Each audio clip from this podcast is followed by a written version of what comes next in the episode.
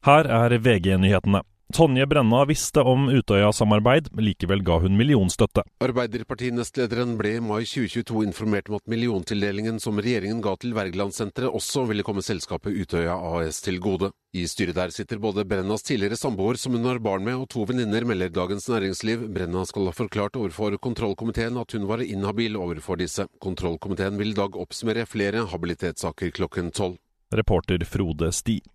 Slottet vil komme med oppdatert informasjon om kong Harald i løpet av dagen, det skriver NRK nå. I går ble det kjent at kong Harald er innlagt på sykehus i Malaysia med en infeksjon. NRK ble av pressens faglige utvalg felt på alle punkter for serien Ingen elsker bamsegutt. PFU-medlemmene mener NRK gikk for langt i å bistå mannens kone med å søke om oppholdstillatelse i Norge. Samtidig får også Tore Strømøy ros for å ta tak i vanlige folks kamp mot systemet. HamKam-talentet Archange Dufringan Mondo, også kjent som Akillas, er funnet død i sin egen leilighet. Dødsårsaken er foreløpig ukjent. Dette er en svært tung dag for alle berørte, sier daglig leder i HamKam fotball, Bent Svele. I studio Andreas Hagen Haakonsen, nyhetene får du alltid på VG.